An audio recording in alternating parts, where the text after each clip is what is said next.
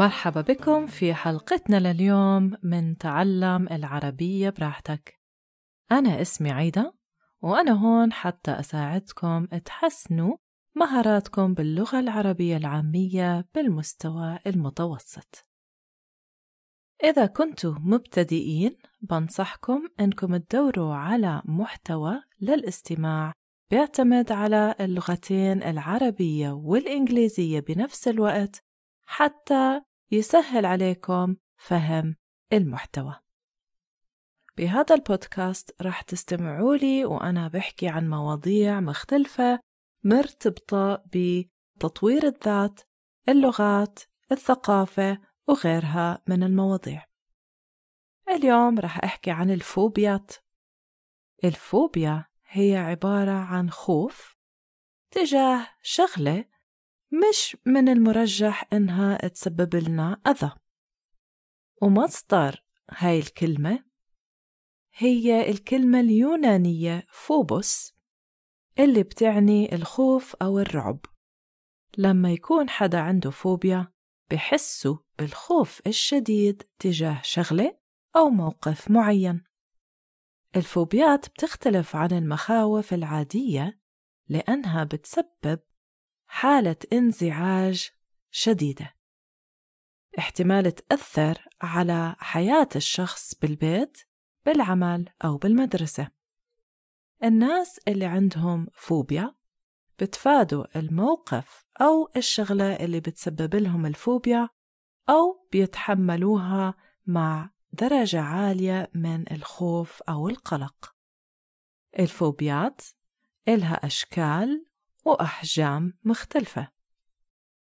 ولأنه في عدد غير نهائي من الشغلات والمواقف القائمة اللي إلها دخل بالفوبيات المحددة طويلة لحد ما. وهلأ رح أحكي عن أنواع الفوبيات.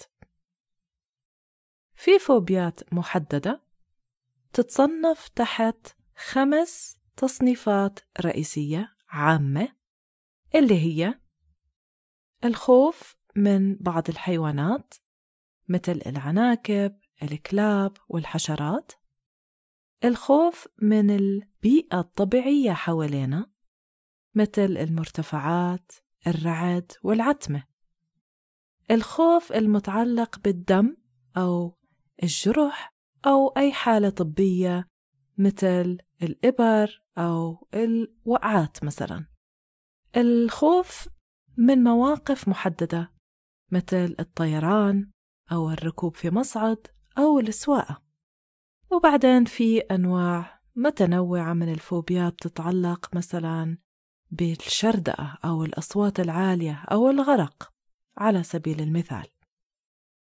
هاي الفوبيات ممكن تختلف بناء على التجارب الثقافية الجنس والعمر.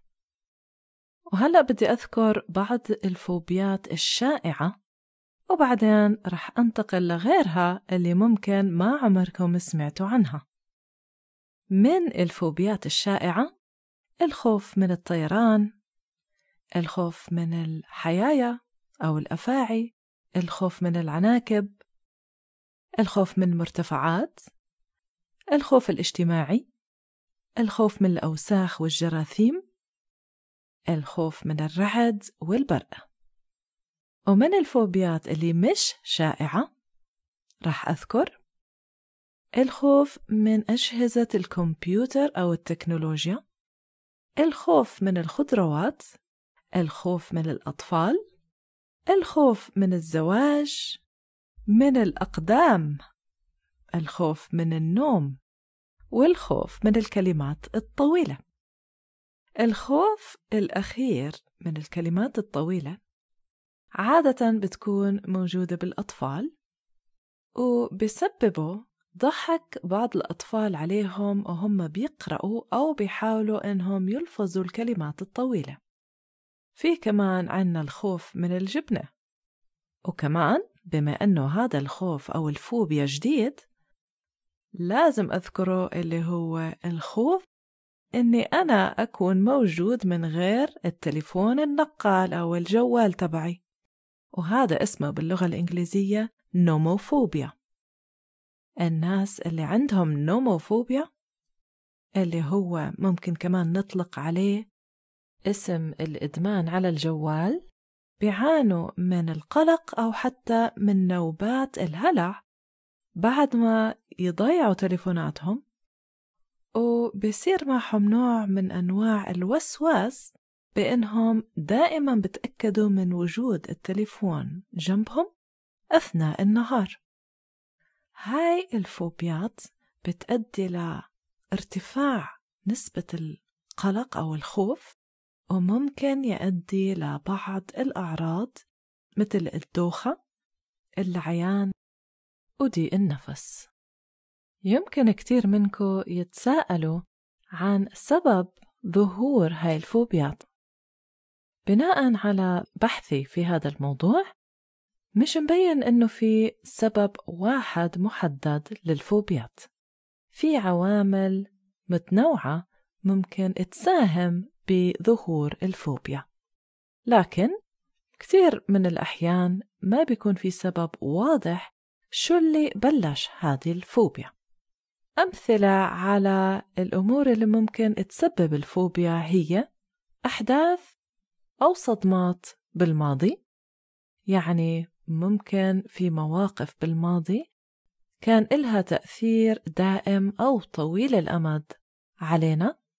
على سبيل المثال إذا مثلا كنتوا راكبين طيارة بعمر صغير وتعرضت هاي الطيارة لاضطرابات كتيرة ممكن تطوروا فوبيا من الطيران. أو إذا مثلا في كلب سبب لكم جرح قبل سنين كتيرة ممكن تطوروا رهاب من الكلاب. سبب تاني استجابات اتعلمناها وإحنا بعمر صغير. ممكن الفوبيا اللي عندك تطور من عوامل موجودة ببيئتك كطفل. على سبيل المثال يمكن عندك أهل أو مربيين عندهم قلق شديد. هذا ممكن يأثر على طريقة استجابتك مع القلق بوقت متأخر من حياتك. وممكن تطور حتى نفس الفوبيا اللي موجود عند الأب أو الأم. فإذا هم عندهم ردة فعل شديدة تجاه إشي بخافوا منه هذا ممكن يأثر عليك وتحس بنفس الإحساس. كمان سبب لظهور الفوبيا ممكن يصير معك ردة فعل قوية أو حتى نوبة هلع كاستجابة لموقف أو إشي معين؟ وهذا الموقف بسبب لك إحراج. وخاصة إذا الناس اللي حواليك بتكون استجابتهم لهذا التصرف عنيفة أو قوية. فبالتالي ممكن يصير معك قلق شديد لما تفكر بأنه هذا الموقف ممكن يتكرر. الفوبيا ممكن كمان يسببه إرهاق وإجهاد بيستمروا لفترة طويلة من الزمن. الإجهاد بسبب مشاعر من القلق والاكتئاب وعلى المدى البعيد هذا ممكن يتطور ويصير فوبيا. وآخر مسبب للفوبيا هي العوامل الجينية. الأبحاث بتحكي بأنه بعض الناس معرضين أكثر إنهم يطوروا فوبيا من غيرهم من الناس. فإذا أنتوا بتعانوا من أي نوع من الفوبيا ممكن تنبسطوا إذا عرفتوا إنه في أكثر من طريقة للعلاج. طبعا حسب نوع الفوبيا اللي موجودة عندكم. لكن ما في طريقة علاج وحدة مضمونة حتى إنها تعالج كل أنواع الفوبيات. وفي بعض الحالات ممكن ينصحوا المعالجين أو الدكاترة باستعمال أو باللجوء لأكثر من نوع من العلاج. رح أحكي بشكل مختصر عن أنواع العلاج للفوبيات. في عنا أول إشي العلاج بالتعرض وهذا عبارة عن علاج نفسي اتطور عشان يساعد الناس إنهم يواجهوا مخاوفهم. فلما يكونوا خايفين من شغلة معينة هم بتفادوا الإشي اللي بسبب لهم الخوف أو المواقف اللي بتسبب هذا الخوف.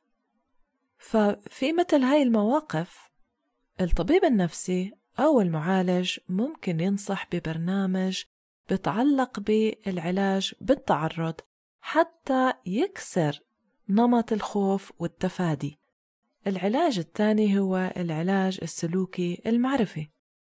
وهذا نوع من أنواع الاستشارة النفسية اللي بتساعدكم إنكم تديروا مشاكلكم أو تتحكموا فيها عن طريق تغيير طريقة تفكيركم وتصرفاتكم. جزء من عملية العلاج السلوكي المعرفي اللي عادة بيستعملوها حتى يعالجوا فوبيا بسيطة بتتعلق بالتعرض المتدرج للإشي اللي أنتوا بتخافوا منه. حتى تخفف درجة القلق اللي بتصير معاكو. على سبيل المثال إذا بتخافوا من الأفاعي المعالج يمكن يبلش ينصحكوا أو يطلب منكوا إنكم تقرأوا عن الأفاعي. بعدين ممكن يفرجوكوا صورة عن أفعى. ممكن بعد هيك ياخدوكوا على حديقة حيوانات حتى تتفرجوا على أفاعي على أرض الواقع. الطريقة الثانية بالعلاج تشمل العلاج بالاسترخاء وهذا معناته آه، تمارين التنفس العميق أو تمارين اليوغا اللي بتساعد بعلاج الفوبيات. آه، اللجوء لأساليب الاسترخاء هاي ممكن تساعدكم بالتخلص من الإجهاد والتخفيف من أعراض الفوبيا الجسدية. وفي عنا كمان علاج بالأدوية بالحالات الصعبة أحيانا ممكن اللجوء للأدوية لكن مش دائما بيكون هذا علاج مناسب للفوبيات المحددة وعادة ما بلجأوا لها أو ما بنصحوا فيها لعلاج الفوبيات لأنه العلاج السلوكي المعرفي عادة بيكون فعال وما له آثار جانبية. لكن الأدوية يمكن يوصفوها لعلاج آثار الفوبيات مثل القلق. ما رح أدخل بأي تفاصيل تتعلق بالأدوية لأنه أنا مش طبيبة وحابة أذكركم بسرعة بأنه هذا البودكاست هدفه هو تحسين فهمكم للعربية العامية بالمستوى المتوسط. بشكركم كتير لاستماعكم. بتمنى تكونوا حبيتوا هاي الحلقة وياريت لو تكونوا معي بالحلقات الجاي وتشتركوا بهذا البودكاست. شكرا كتير وإلى اللقاء.